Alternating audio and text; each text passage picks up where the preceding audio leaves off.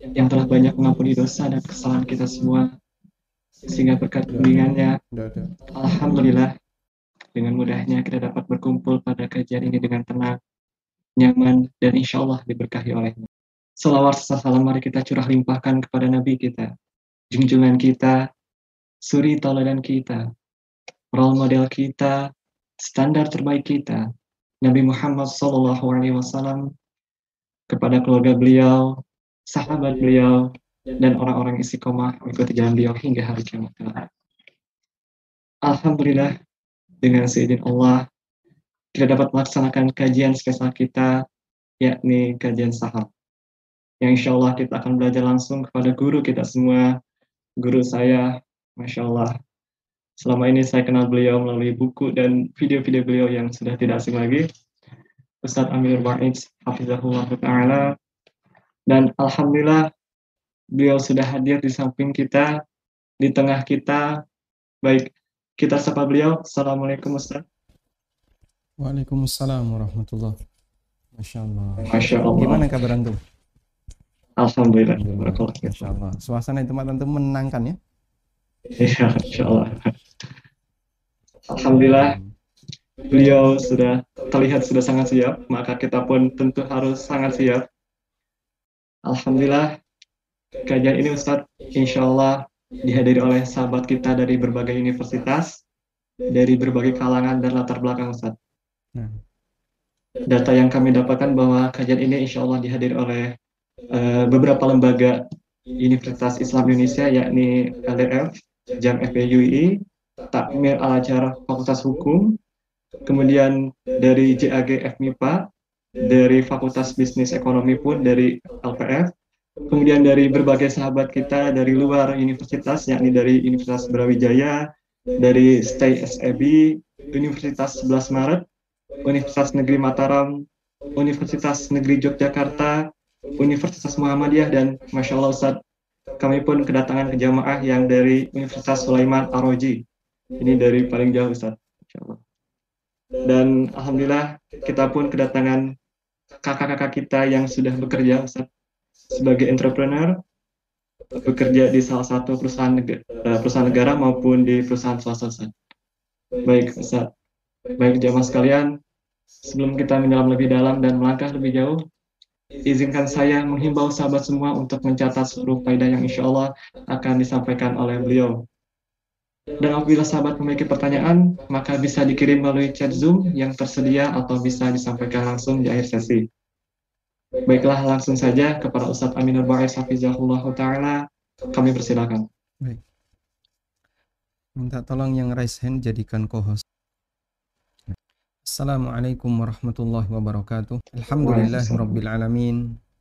Wassalatu wassalamu ala ashrafil mursalin نبينا ومولانا محمد وعلى آله وصحبه أجمعين وأشهد أن لا إله إلا الله وحده لا شريك له وأشهد أن محمدا عبده ورسوله صلى الله عليه وعلى آله وصحبه وسلم تسليما كثيرا ثم أما بعد الحمد لله kita bersyukur kepada Allah Subhanahu wa taala atas kemudahan yang Allah berikan bagi kita untuk belajar.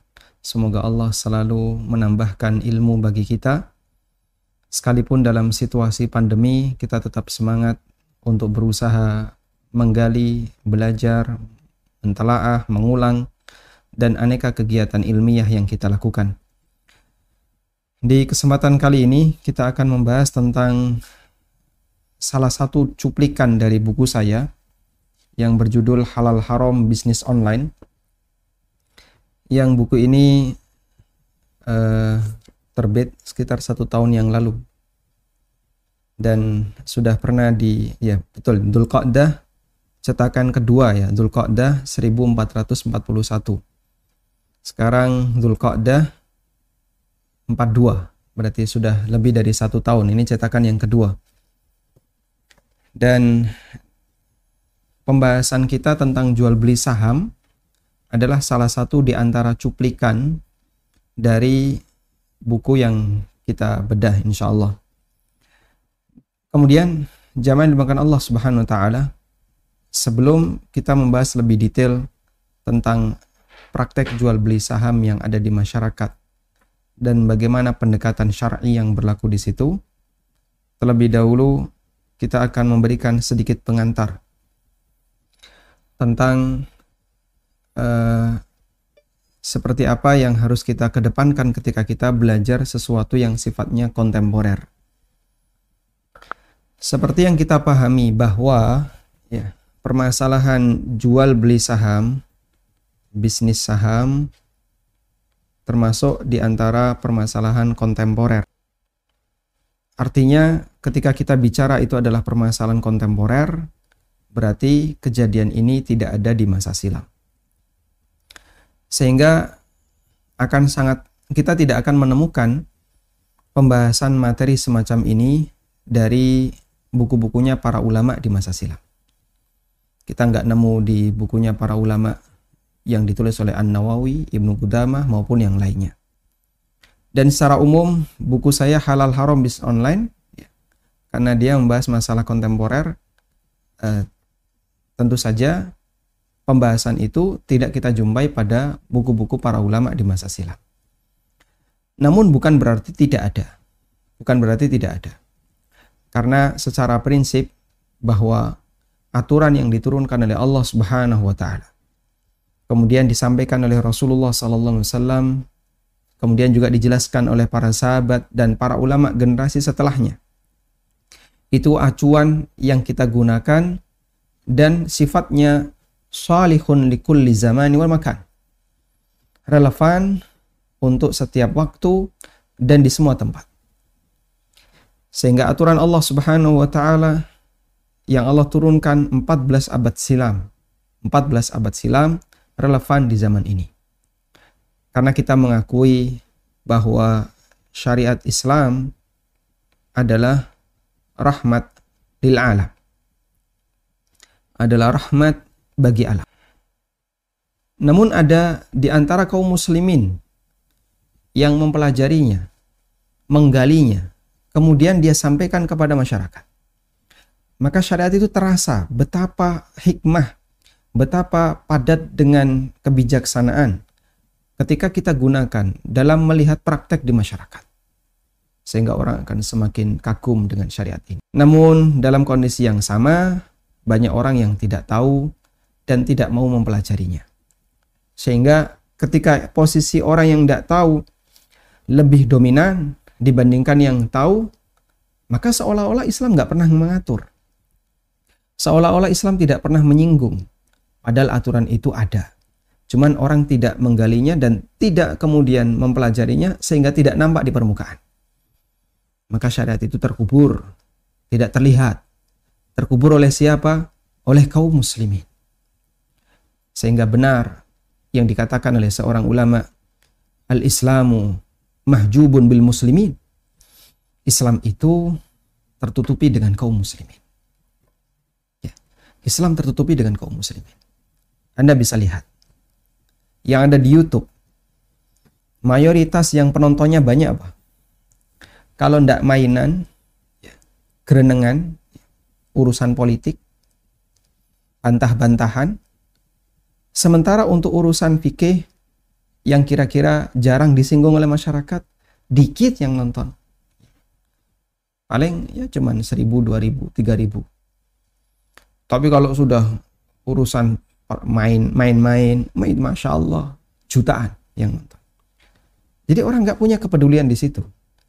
Dan para tokoh yang mengangkat masalah-masalah yang mungkin jarang terpikirkan oleh masyarakat itu sedikit sehingga syariat itu terkubur dalam hati tidak nampak di permukaan. Karena kaum muslimin sendiri nggak mau mempelajarinya. Kaum muslimin tidak mau mengangkatnya di permukaan. Fal Islamu mahjubun bil muslimin. Maka Islam tertutupi oleh kaum muslimin. Universitas Islam Indonesia. Universitas Islam-Islam yang lainnya. Terkadang dalam banyak kasus tidak membahas bagian yang detail baik dari sisi uh, hukum A, hukum B, hukum C dan seterusnya. Di saat yang sama mereka lebih cenderung untuk mengambil referensi dari non muslim. Belajar Islam tapi yang digali adalah referensi non muslim. Dengan anggapan ini lebih kontemporer, ini lebih baru. Padahal tokoh Islam ada yang membahas itu. Cuman tidak diangkat. Cuman tidak diangkat.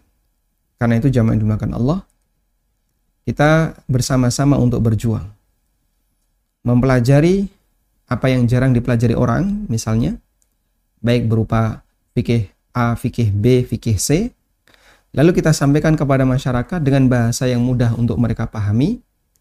Semoga ini bagian dari kiprah kita, peran yang kita berikan untuk menampakkan keindahan Islam di tengah masyarakat.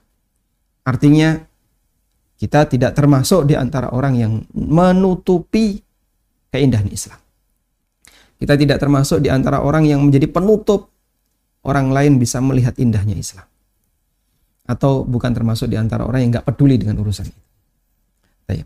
Karena itu jangan lupa untuk belajar dan belajar. Setelah belajar, tampakkan di permukaan. Inilah hasil saya belajar. Barangkali tetangga kita tidak tahu, sehingga mereka jadi tahu. Teman-teman kita tidak tahu, mereka jadi tahu. Oh, baru tahu saya kalau ada aturan kayak gini. Baru tahu saya kalau ada aturan seperti ini. Kalau Anda sampai berhasil seperti itu, baru tahu saya kalau ada aturan seperti ini. Berarti Anda menampakkan di permukaan sebagian dari aturan syariat. Yang selama ini tenggelam di masyarakat. Semoga ini bisa dipahami dan menjadi motivasi besar bagi kita untuk belajar bagian yang jarang disinggung oleh masyarakat. Alhamdulillah di Indonesia ada banyak asatidah yang mereka menampilkan Islam itu menjadi lebih mudah untuk diterima segala aturannya dan mengenalkan bagian yang mungkin dulu jarang disinggung. Ya, kita mengakui jasa besar Al Ustadz Dr. Erwandi Tarmizi melalui buku beliau ya, yang sangat terkenal eh, harta haram dalam muamalah kontemporer itu masya Allah ya saya kira belum ada buku yang khusus bahas masalah muamalah terutama untuk muamalah-muamalah bermasalah di masyarakat yang lebih lengkap dibandingkan buku beliau. Dan ketika buku itu hadir, orang kan jadi kena O faktor ya. Oh seperti ini, oh seperti ini. Ada O faktor. Anda kalau buat karya, tanamkan buku ini harus punya O faktor. Faktor O. Apa itu faktor O? Orang yang baca, oh kayak gini tau. Oh, nah, itu faktor O ya. Kalau buku Anda, karya Anda, ceramah Anda, eh, tulisan Anda, apa pun yang Anda sampaikan di masyarakat memberikan faktor O, berarti berhasil.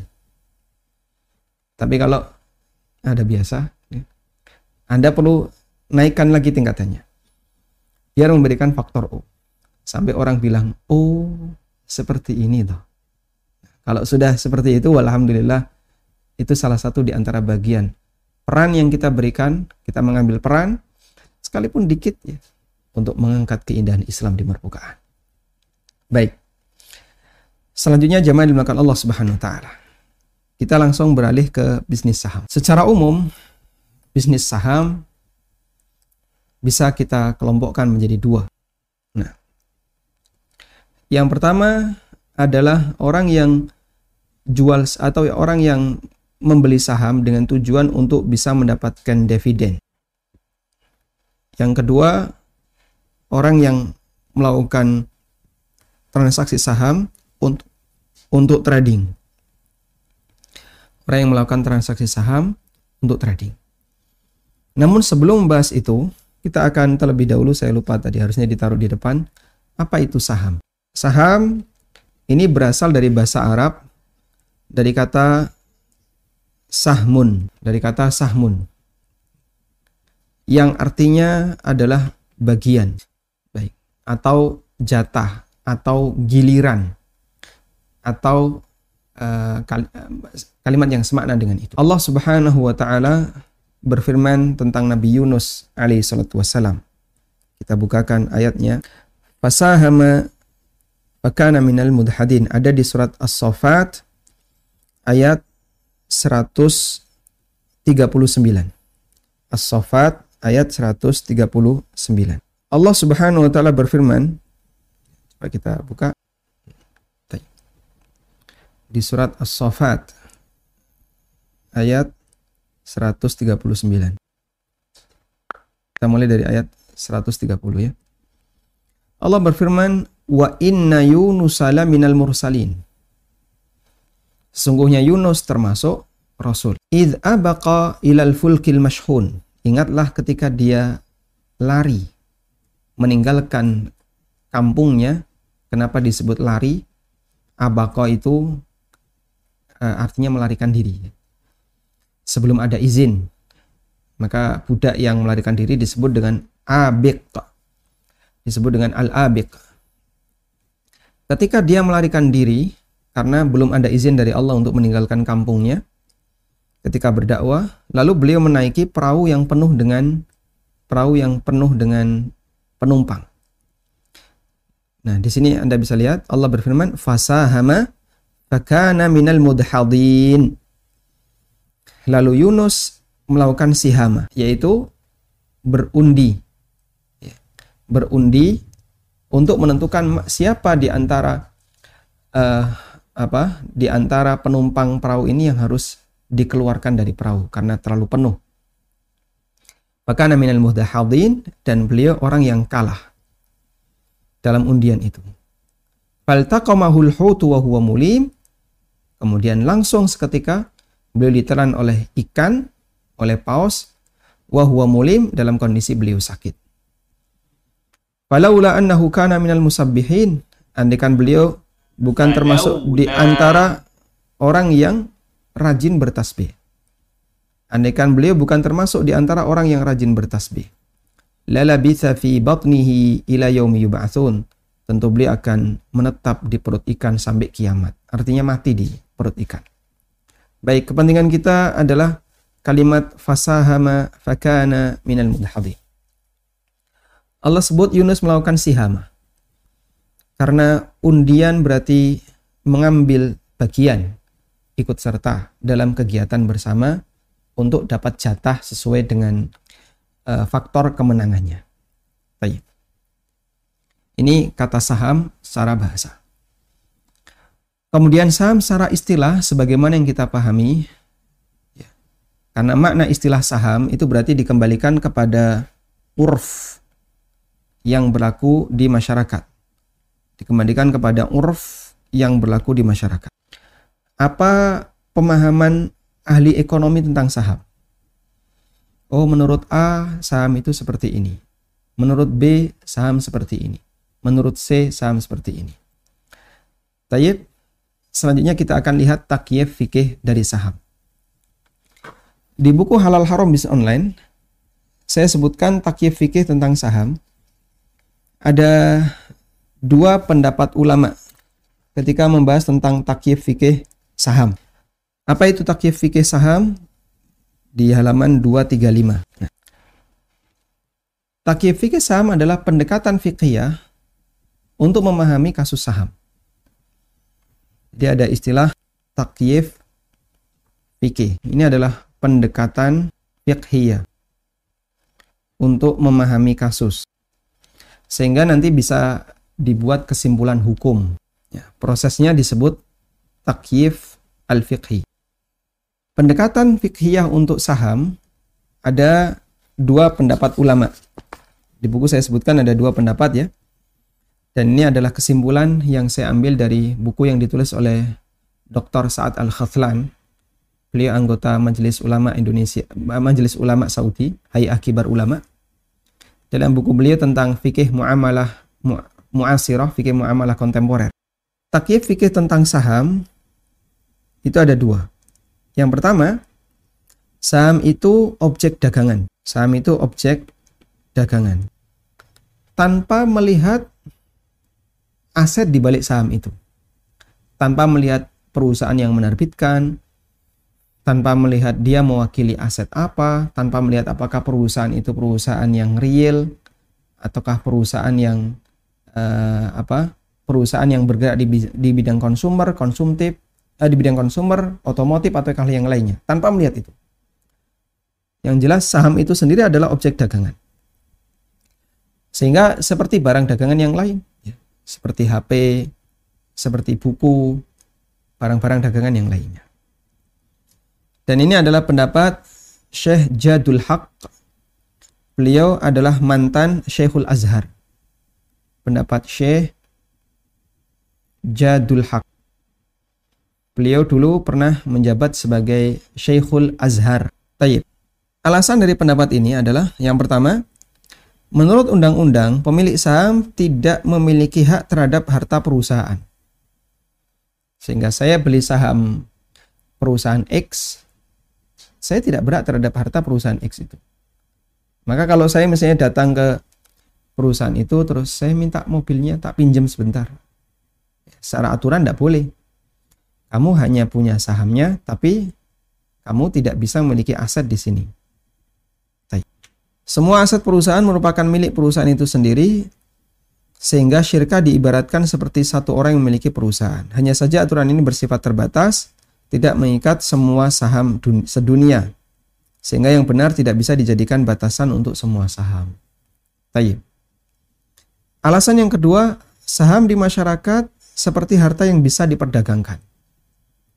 Sehingga karena dia bisa diperdagangkan, bisa diperjualbelikan, maka dia adalah objek dagangan.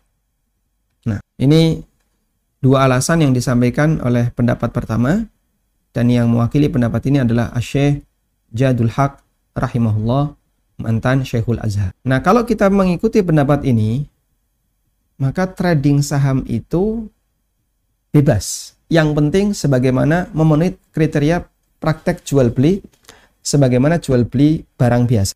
Sehingga jual beli A boleh, jual beli B boleh dengan syarat tertentu. Yang penting memenuhi itu. Karena itu kata kuncinya adalah selama perusahaan yang menerbitkan saham itu adalah perusahaan yang bergerak di bidang yang halal, hukumnya boleh. Ya, konsumer, otomotif, jasa yang halal, kemudian perusahaan-perusahaan yang lain yang halal, lalu kita beli, maka kita bebas untuk memperdagangkannya. Pendapat yang kedua, saham adalah bukti yang memilih, yang mewakili kepemilikan aset perusahaan.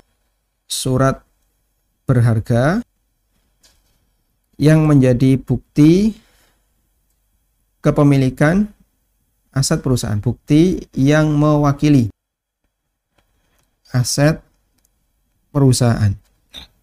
Nah, dan ini pendapat jumhur ulama kontemporer. Ini pendapat jumhur ulama kontemporer. Baik. Di antara alasan pendapat ini adalah karena ketika orang melakukan bisnis saham atau ketika orang membeli saham, hakikatnya dia ikut melibatkan diri dalam praktek syirkah dengan perusahaan tersebut. Dia melibatkan diri untuk bersyirkah dengan perusahaan tersebut. Dan pendapat ini yang dinilai lebih kuat oleh Dr. Sa'ad Al-Khatlan dan juga yang di difatwakan oleh beberapa ulama seperti yang difatwakan oleh Lajnah Daimah. Dalam fatwa Lajnah Daimah dinyatakan tentang saham ya. Idza kanatil ashum la tumathilu nuqudan tamthilan kulliyan aw ghaliban wa innama tumathilu ardan aw sayyarat aw imarat wa nahwi dhalika fayya ma'lumah lil ba'i wal mushtari jaza bai'uha wa shira'uha bithamanin halin au muajjal. Bila saham tersebut tidak mewakili uang tunai. Maksudnya saham tersebut tidak berbentuk uang. Tapi sudah berbentuk aset. Baik secara keseluruhan maupun yang dominan. Akan tetapi dia mewakili aset berupa tanah atau kendaraan atau properti atau yang serupa. Ada nggak saham yang mewakili uang? Ada orang beli atau perusahaan dia go public ketika sudah go public dibuka dia dapat saham senilai misalnya 1M. Tapi dana 1M ini tidak langsung dipakai. Tertunda selama waktu sekian tahun. Nah, sekian tahun itu berarti saham yang tadi terkumpul masih dalam bentuk uang. Nah, kalau dalam bentuk uang, saham ini belum boleh ditransaksikan eh, karena sama dengan transaksi uang kecuali mengikuti tata cara transaksi uang. Namun kalau dia sudah mewakili tanah atau kendaraan atau properti yang serupa atau aset yang lainnya dan sifatnya jelas bisa dipahami oleh masing-masing penjual dan pembeli maka boleh diperjualbelikan baik dengan tunai maupun dibayar secara kredit ya karena itu sifatnya hanya skema pembayaran nah dan insya Allah pendapat jumhur ini yang lebih mendekati sehingga orang yang melakukan saham atau membeli saham hakikatnya dia membeli surat berharga yang itu mewakili yang itu mewakili kepemilikan aset di perusahaan yang menerbitkan saham. Tayyib. Nah, karena itu jika kita lebih menguatkan pendapat jumhur, maka kita perlu paham sebenarnya prinsip saham itu prinsip yang seperti apa. Jadi dalam praktek saham dalam praktek saham itu lebih dekat dengan prinsip musyarakah. Saham itu lebih dekat dengan prinsip musyarakah. Yaitu kerjasama untuk sebuah usaha bersama. Jika nanti untung ada bagi hasil, jika rugi ditanggung bersama. Dan itu adalah prinsip musyarakah. Nah, dalam musyarakah ada keterangan yang disampaikan oleh Ibnu Qudamah musyarakah itu dalam akad musyarakah itu sebagaimana keterangan Ibnu Qudamah mengikuti dua prinsip. Yang pertama adalah amanah, yang kedua adalah wakalah. Yang pertama, orangnya menjadi amin, orang yang mendapatkan wakil atau di, dijadikan wakil. Yang kedua adalah dia menjadi wakil. Baik. Ibnu Qudamah menyebutkan bahwa dalam syirkah inan dalam bentuk syirkah yang sifatnya bebas yanfudhu tasarrufu kulli wahidin minhuma bihukmil milki fi nasibihi wal wakalati fi nasibi syarikihi statusnya sebagaimana dia melakukan tindakan untuk objek yang menjadi miliknya dan wakil bagi objek temannya. Baik. Saya kasih gambaran yang mudah gini ya. Anda nggak ngantuk kan? Nah. Baik. Ini ada sebuah perusahaan. Perusahaan ini dimiliki oleh lima mahasiswa. Lima orang A sampai E. Dari lima ini masing-masing punya 20%. Masing-masing punya 20%. Anggaplah usaha di perusahaan ini adalah rental mobil misalnya. Sudah? Maka ketika A mengelola saat A mengelola berarti A adalah A adalah mengelola 20% miliknya. Jadi A mengelola 20% miliknya karena dia punya kepemilikan berapa tadi? 20%. Masing-masing A sampai E 20% plus 80% milik milik temannya. Milik teman ya, milik B sampai E. Nah, 80% ini kan bukan miliknya, milik orang lain. Terus dia mengelola itu sebagai apa? Jawabannya sebagai wakil. Dia mengelola sebagai wakil untuk barang milik orang lain. Dan wakil itu diizinkan. Karena status dia mendapatkan amanah dan jadi wakil. Paham ya? Maka demikian pula B. Ketika B mengelola, maka hakikatnya dia mengelola 20% miliknya dan apa? Dan 80% milik yang lain. 80% ini dia sebagai apa?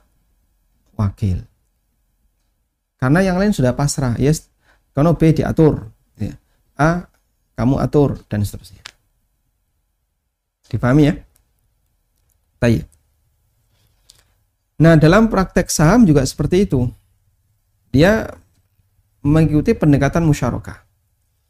Sehingga saat pihak manajemen mengelola perusahaan itu, maka dia mengelola sekian persen milik perusahaan dan sekian persen milik para peserta saham. Sehingga dia berhak untuk mengelola sesuai dengan kebijakannya yang menguntungkan perusahaan. Nah, status manajemen itu adalah wakil bagi para pemilik saham. Taib. Karena itu di posisi ini A A adalah wakil bagi B sampai E. Berarti kalau B ikut mengelola, maka B adalah wakil bagi A, C, sampai E. Dan begitu seterusnya. Tayyip. Karena itu berarti B anggaplah misalnya yang nggak bekerja sama sekali adalah CDE. Ini nggak bekerja sama sekali. Berarti CDE dia punya nggak keterlibatan di unit usaha ini? Punya. Apa keterlibatannya? Pertama, sebagai pemilik modal 20%. Yang kedua, dia menyuruh kerjanya dilimpahkan ke temannya. Pekerjaannya dilimpahkan ke temannya, yaitu ke C, yaitu ke A dan B yang mengelola. Karena dia mewakilkan. Paham ya? Paham misal? Yang di sini paham. Kalau di sini paham berarti di sana paham. Ah, di sini paham. Alhamdulillah. Jadi kalau CDE tidak kerja, apa dia terlibat apa di sini? Pertama dia punya CDE terlibat apa di unit usaha ini? Pertama dia terlibat di modal 20% plus dia memasrahkan tugasnya kepada A dan B. Sudah?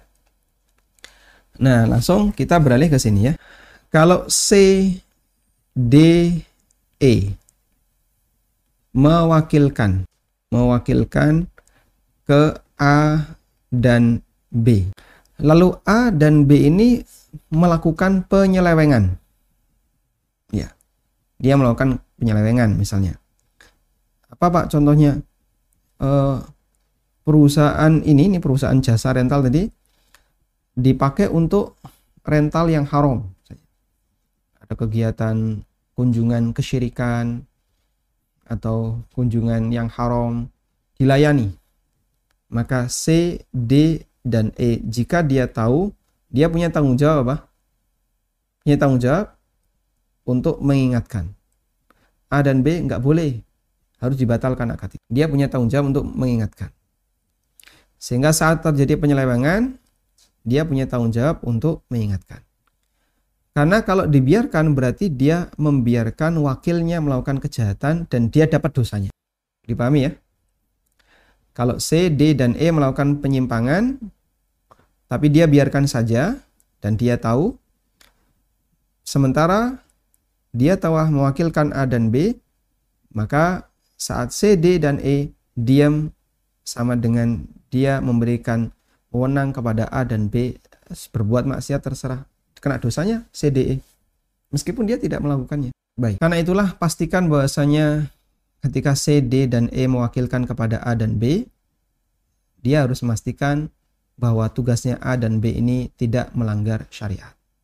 Nah selanjutnya kita bawa kepada kelas yang lebih besar.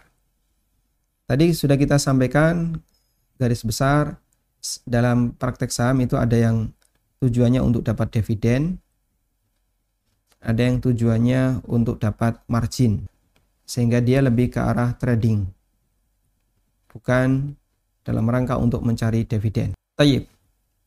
Kita bahas terlebih dahulu yang pertama. Untuk yang berharap dapat bagi hasil. Ulama berbeda pendapat untuk pemain saham yang tujuannya dalam rangka mendapatkan dividen. Saham untuk dividen. Yang perlu diperhatikan di sini adalah satu kehalalan. Kehalalan pendapatan. Pendapatan perusahaan. Sehingga perusahaan pendapatannya harus halal. Ini disepakati oleh siapa pun. Nah, selanjutnya muncul kasus yang kedua Kasus yang kedua, bagaimana jika ada yang haram? Bagaimana jika ada yang haram? Meskipun nilainya kecil. Ya. Bagaimana jika ada yang haram sekalipun nilainya kecil? Peluang haramnya di PT itu apa saja, Pak? Peluang haramnya satu eh, pendapatan riba. Pendapatan riba. Ribanya di mana? Dia punya deposito pendapatan riba dalam bentuk contoh ya. Ini hanya contoh deposito. Yang kedua, eh, transaksi haram. Misalnya dia menjual sesuatu ke pabrik yang haram. Jual ke pabrik homer, jual apa ke pabrik rokok, dan seterusnya. Ini kadang-kadang kadang tidak. Yang ketiga, kebijakan bermasalah. Kebijakan bermasalah. Contohnya, utang bank. Perusahaan punya utang bank. Contoh yang lain, asuransi. Dia melakukan transaksi, melakukan akad dengan lembaga asuransi, perusahaan asuransi swasta. Dan beberapa kebijakan yang lain. Belum lagi masalah sogok. Dan aneka kebijakan yang lainnya. Nah, kalau ada kebijakan seperti ini, yang haram-haram ini, bolehkah kita tetap ikut terlibat di situ? Sehingga bolehkah kita tetap beli sahamnya? Ada dua pendapat ulama. Ada dua pendapat. Baik. Pendapat mengatakan boleh dengan batas toleransi. Boleh, tapi ada batas toleransinya. Kalau melebihi toleransi, dilarang. Dan ini yang saya cantumkan di buku Halal Haram Bisnis Online ya. Kita menyebutkan dan acuan saya adalah eh, keputusan yang diterbitkan oleh Hay'ah Syar'iyah Syirka Ar-Rajihi oleh DPS-nya Ar-Rajihi di mana DPS-nya Ar-Rajihi menetapkan batas toleransi. Saya bacakan ya. Dibolehkan melakukan transaksi terhadap saham perusahaan harus berdasarkan asas kebutuhan.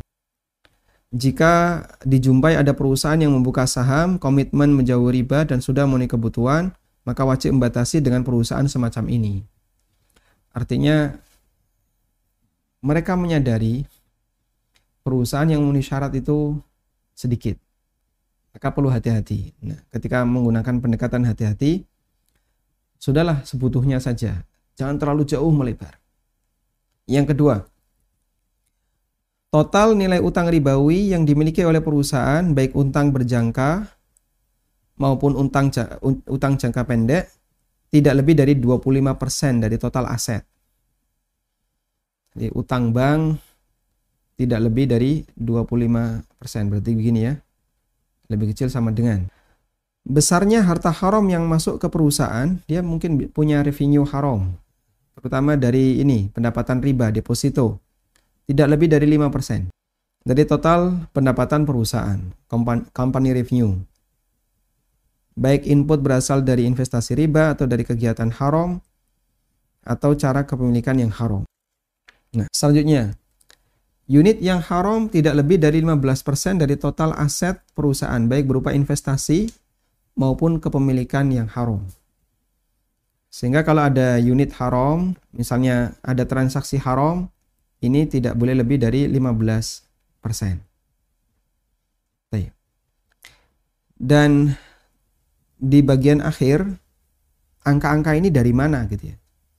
Saya sendiri waktu nulis ini juga, ini angka dari mana? Kan?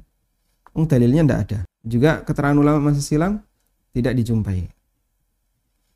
Lalu Hay'a mengatakan wal hay'atu tuwaddihu anna ma warada fi tahdidin lin uh, linnas sabiwa fi hadzal qarar mabniun 'alal ijtihad.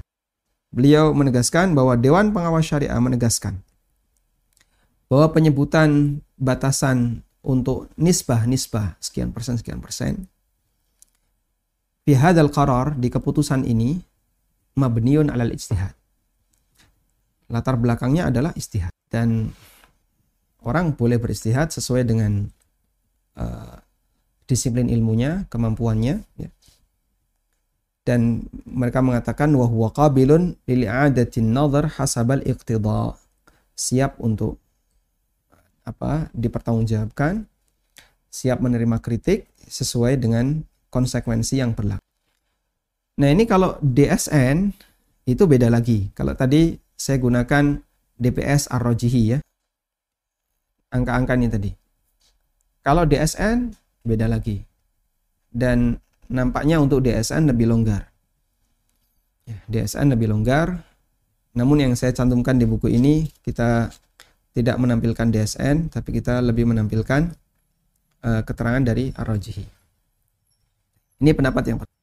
Pendapat yang kedua, tidak boleh.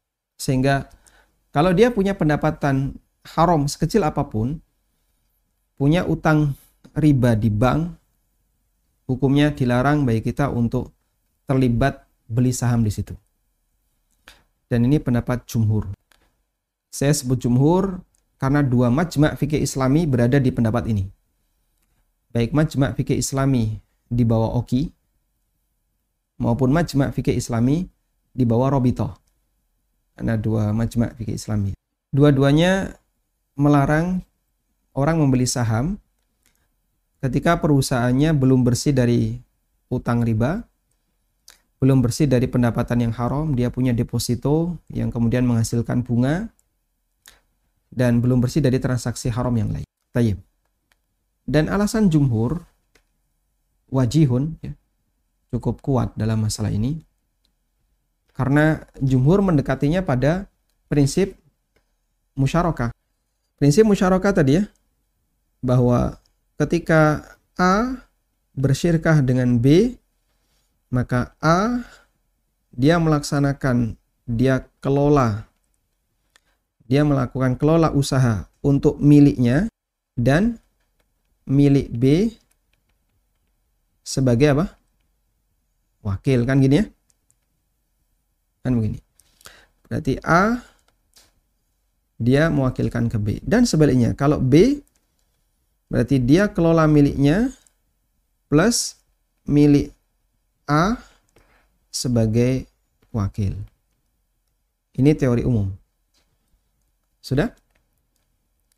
Jika ada masyarakat pembeli saham A, B, C sampai Z, dia membeli saham yang dimiliki oleh perusahaan X. Dia terlibat saham. Total saham yang dikeluarkan oleh perusahaan X adalah 10%. Lalu dibeli oleh orang sekian ini. Dari A sampai Z dibeli oleh sekian. Dan yang mengelola di perusahaan X adalah pihak manajemen. Sudah? Maka posisi manajemen di sini adalah wakil bagi 10% pemilik saham. Begini ya. Karena itu, kalau A, B sampai Z ini melihat pihak manajemen melakukan pelanggaran kamu kenapa utang riba? Utang riba, dapat bunga deposito, dapat ini, dapat ini.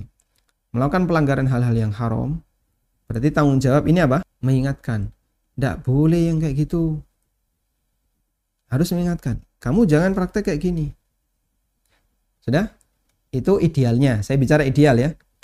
Realnya gimana Pak? 10% bisa apa lo? 10% bisa apa kamu?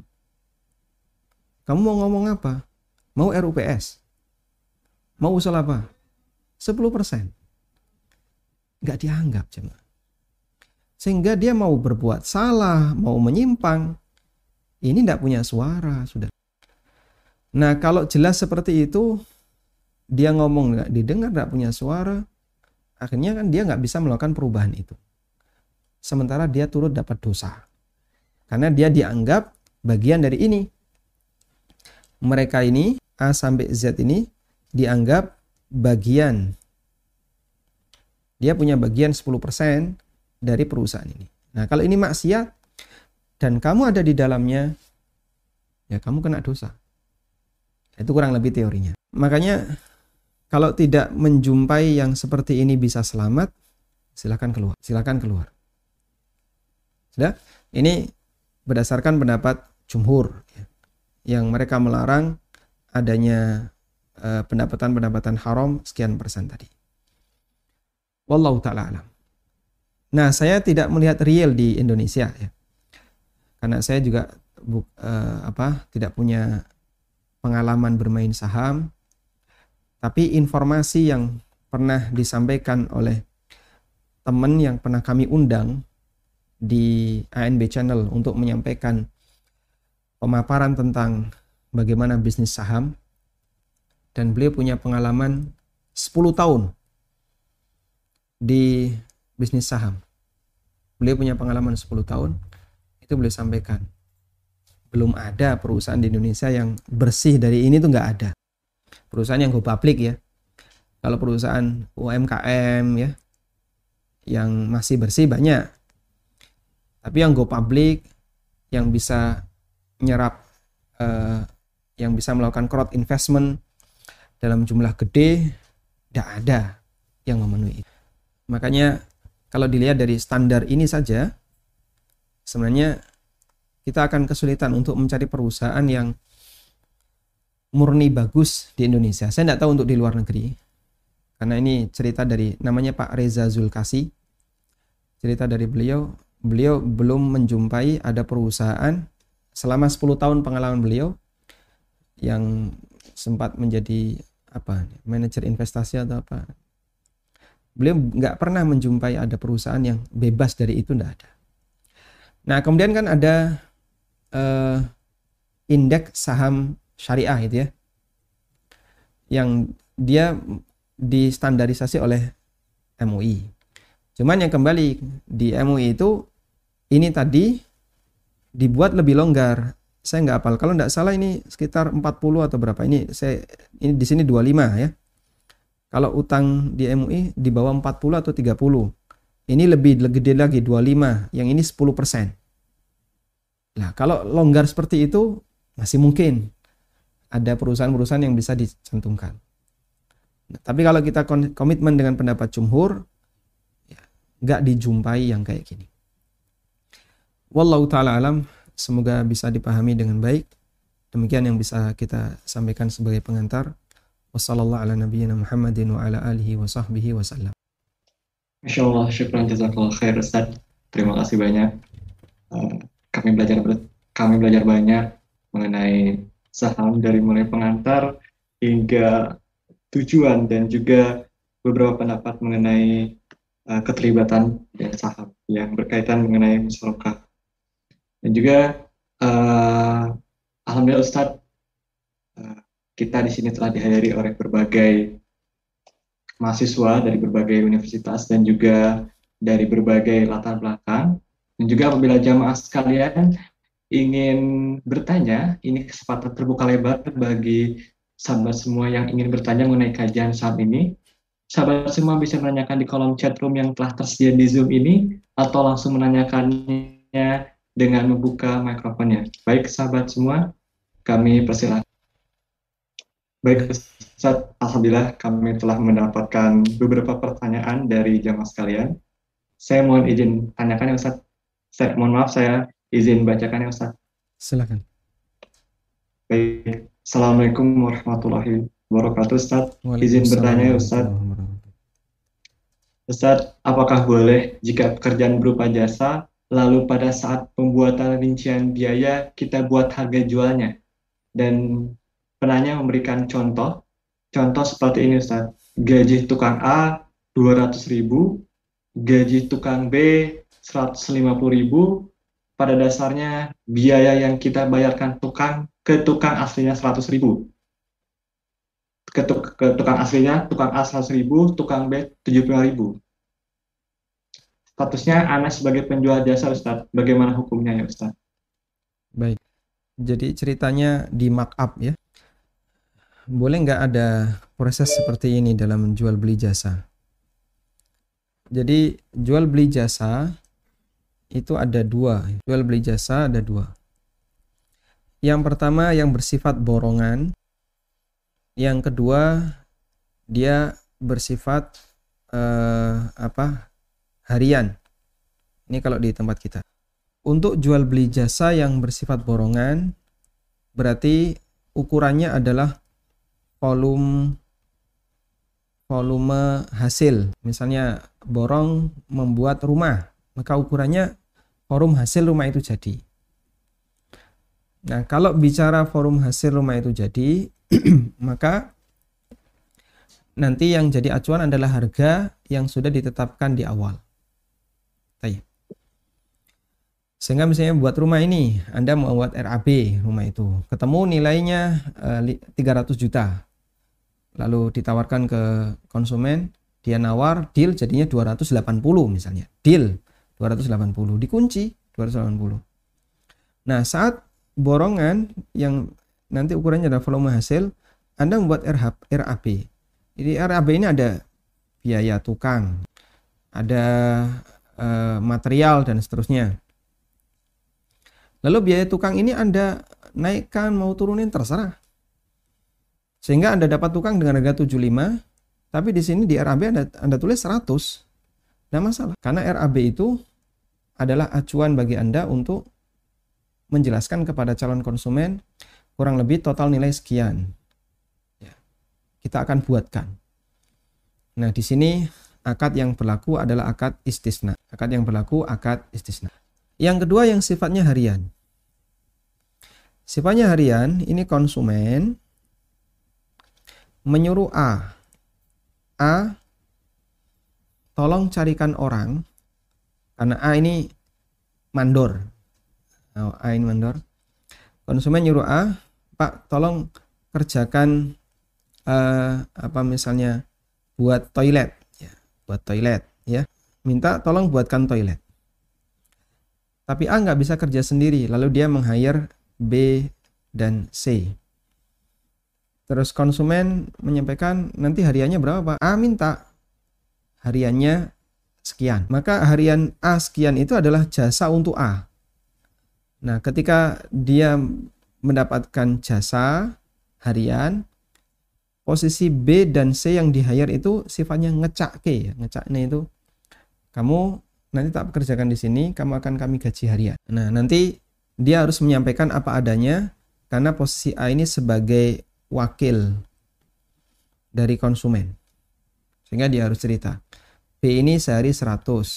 Kalau C sehari 120. Sampaikan apa adanya. Karena A sudah dapat jasa. Lain kalau yang ini tadi, volume hasil. Ya, jadi toilet harganya misalnya 30 juta. Satu toilet. Oke, deal.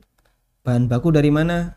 Oh, bahan baku dari konsumen. Ya, kalau bahan baku dari konsumen, berarti ini dikurangi bahan baku. Anggaplah jadi 15 tenaga 15 tapi borongan bahan baku dari konsumen. Boleh seperti itu. Dan kalau di sini dia markup enggak apa-apa. Wallahu Masya Allah, fikum. Terima kasih banyak Ustaz telah menjawab uh, pertanyaan dari dari akhir Rizki. Baik, saya mohon izin untuk membacakan pertanyaan selanjutnya Ustaz ya. Mengenai pertanyaan asuransi swasta Ustaz saya mohon izin untuk membacakannya. Kalau berhubungan, kalau berhubung dengan BPJS ketenaga kerjaan itu bagaimana Ustaz? Maksudnya gimana ya? Asuransi swasta. Judul pertanyaannya asuransi swasta berhubung BPJS ketenaga kerjaan. Nah, untuk BPJS ya, BPJS sendiri tadi pagi baru kita bahas di ANB channel mungkin Anda bisa menyimak ulang. Intinya di situ adalah akad asuransi dan asuransi itu ada dua, ada asuransi sosial, ada asuransi komersil. Nah, untuk asuransi yang bersifat sosial hukumnya diperbolehkan. Karena itu BPJS yang free, yang gratis hukumnya boleh. Saya ulang, BPJS yang gratis hukumnya boleh. Bagaimana kalau BPJS mandiri atau BPJS Ketenagakerjaan di mana perusahaan wajib untuk mendaftarkan karyawannya BPJS. Ulama eh, para asal tidak beda pendapat dalam masalah ini. Sebagian ada yang membolehkan, sebagian ada yang melarang. Dan prinsip yang membolehkan karena sebenarnya itu adalah asuransi ta'awuni, asuransi sosial. Saling tolong menolong antara satu uh, penduduk Indonesia dengan satu dengan penduduk yang lain. Saling urunan, lalu kemudian hasil urunan itu dipakai untuk mengcover biaya kesehatan masyarakat atau rakyat yang membutuhkan. Dan pada kenyataannya ternyata prinsip seperti ini tidak bisa dijalankan maksimal. Ya. Terbukti kemudian banyak uh, sistem kapitasi di rumah sakit itu tidak berjalan normal. Saya tidak tahu detail sampai hari ini ya. Beberapa keluhan yang sampai ke kita. Uh, utang BPJS sekian ratus juta. Utang ini sekian ratus juta. Jadi numpuk dalam jumlah banyak. Karena ternyata banyak peserta BPJS itu yang gampang mengklaim sakit. Dia merasa saya sudah bayar kok. Maka sakit dikit datang ke rumah sakit, sakit dikit datang ke rumah sakit. Tayyip. Artinya terkadang semangat masyarakat ketika dia merasa terlibat di IBBJS adalah ingin cari untung. Semangatnya adalah ingin cari untung. Intinya ada khilaf dalam masalah ini. Ada yang memahami itu lebih dekat ke asuransi komersil, ada yang memahami itu lebih dekat kepada asuransi sosial. Ada perbedaan pendapat. Wallahu Jazakallah khair Ustaz. Terima kasih banyak telah menjawab pertanyaan dari Akhi Ahmad. Dan saya mohon izin untuk membacakan pertanyaan selanjutnya Ustaz. Izin bertanya Ustaz, apakah hukum tadi, seperti hukum yang telah dibacakan oleh Ustaz sebelumnya, hanya untuk tujuan saham dengan mendapatkan dividen? Oh ya, yang tadi Ustaz yang dibagi dua, untuk dividen dan untuk trading, kemudian atau termasuk juga yang trading. Bagaimana hukum melakukan trading? Lalu izin bertanya juga mengenai cryptocurrency Ustaz. Syukran Ustaz. Baik, Ustaz. Saya belum bahas untuk uh, saham dengan tujuan trading. Saham dengan tujuan trading ada banyak ragam ya. Ada uh, forward contract, ada transaksi opsi, kemudian juga ada apa lagi uh, short selling dan seterusnya. Tapi kalau kita perhatikan dari aneka macam trading saham, dari aneka macam trading saham ya. Ada yang short selling. Ini kalau ini jelas dilarang oleh fatwa DSN. Short selling hukumnya haram. Ya. Karena jadinya seperti judi. Sehingga ada orang pesan kepada pialang. Ya. Tolong jual saham harga sekian. Talangi dulu, ditalangi. Ditalangi oleh pialang. Sehingga yang beli ini nggak keluar duit sepeser pun. Dia cuma pasang 10 juta, 10 juta, ditalangi oleh pialang. Kemudian dalam perjalanannya, dia dapat untung. Dia dapat untung. Saham itu dijual lagi. Padahal dia nggak pernah menerima saham itu. Ditalangi oleh pialang, dapat untung. Lalu dia bisa dapat misalnya untung jadi 12 juta. Dia bisa dapat 2 juta. Yang 10 juta ditahan oleh pialang sebagai pembayaran utang tadi, 2 juta kembali ke saya sebagai pembeli. Ini apa-apaan kayak gini. Jadinya kan seperti spekulasi banget gitu ya. Ini kayaknya mau ada kenaikan ini. Saya nggak keluar duit. Beras nggak keluar duit. Nanti dulu belakangan. Ini kayaknya mau ada kenaikan. Akhirnya saya pasang. Saya pasang. Tolong pialang saya butuh saham ini, talangi dulu, talangi ya. 10 juta. Ditahan. Nah, saat ada kenaikan sekian menit ada kenaikan. Saya minta jual, jual. Untung berapa? 2 juta. Piala ngasih saya 2 juta. Nanti saya perhatikan lagi gerakannya. Ya, kayaknya kok mau turun ini. Atau mau atau mau naik ini saham. Saya minta pialang, tolong talangi dulu, talangi. Ternyata turun, rugi 3 juta saya bayar 3 juta ke pialang. Karena dari 10 juta, lalu turun, total harga jadi 7 juta. Pialang nagih kekurangannya, saya saya bayar 3 juta.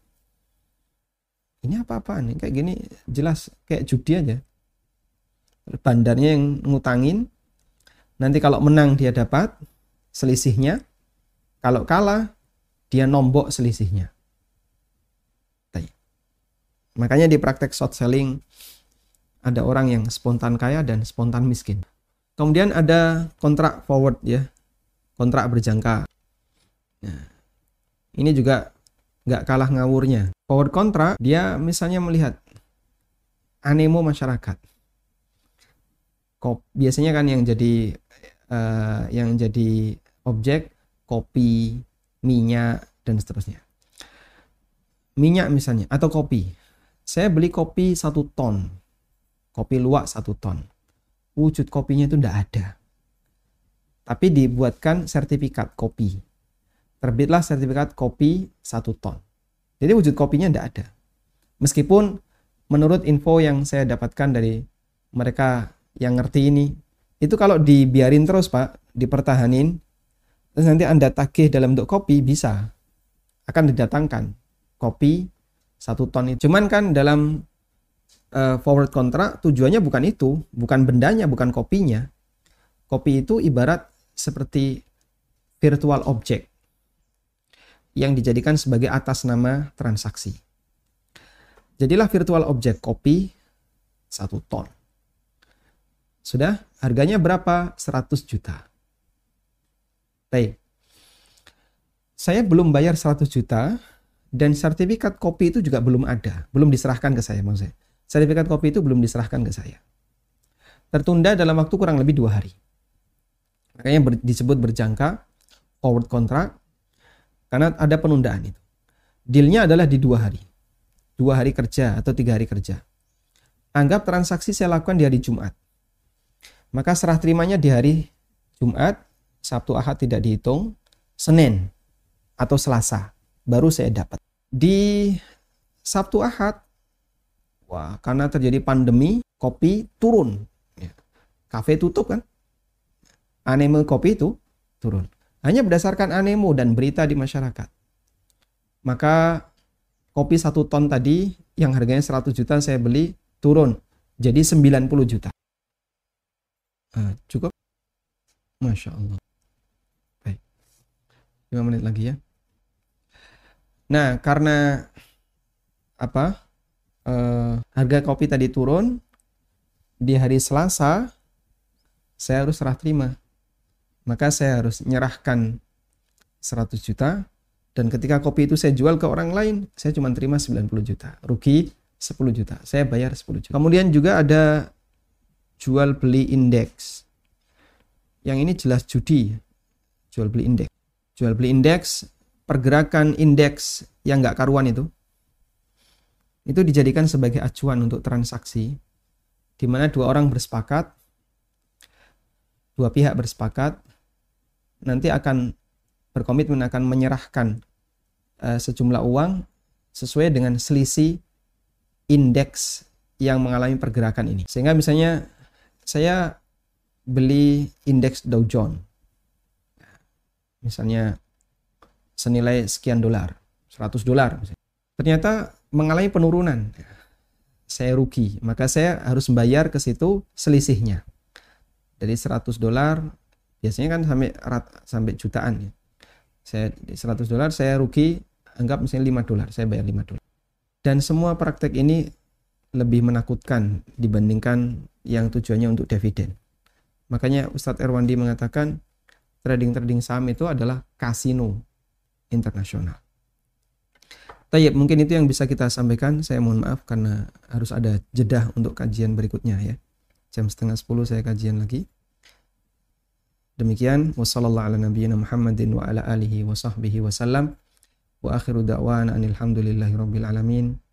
Wassalamualaikum warahmatullahi wabarakatuh. Waalaikumsalam warahmatullahi wabarakatuh. Baiklah sahabat sekalian, Alhamdulillah kita sudah di penghujung kajian. Syukur jazakallah khair Ustaz karena sudah mengisi kajian dan menjawab pertanyaan-pertanyaan kami pada pagi hari ini. Besar harapan kami, kami dapat belajar lagi, belajar kembali secara langsung kepada Ustaz ya Ustaz dan kami ucapkan jazakumullah khair kepada sahabat semua yang sudah bersedia menghadiri kajian kita pada pagi hari ini. Semoga seluruh ilmu yang kita semua baru saja dapatkan dapat diamalkan untuk mendapatkan pahala terbaik yang berlipat hanya dari Allah Subhanahu wa taala sehingga kita dapat dipertemukan bersama di Firdausnya kelak. Amin ya rabbal. Masya Allah, syukron, jazakallah khair Ustaz. Marilah kita tutup agenda kita semua dengan doa kafaratul majlis. Subhanakallahumma wa bihamdika. Asyhadu an la ilaha illa anta. Assalamualaikum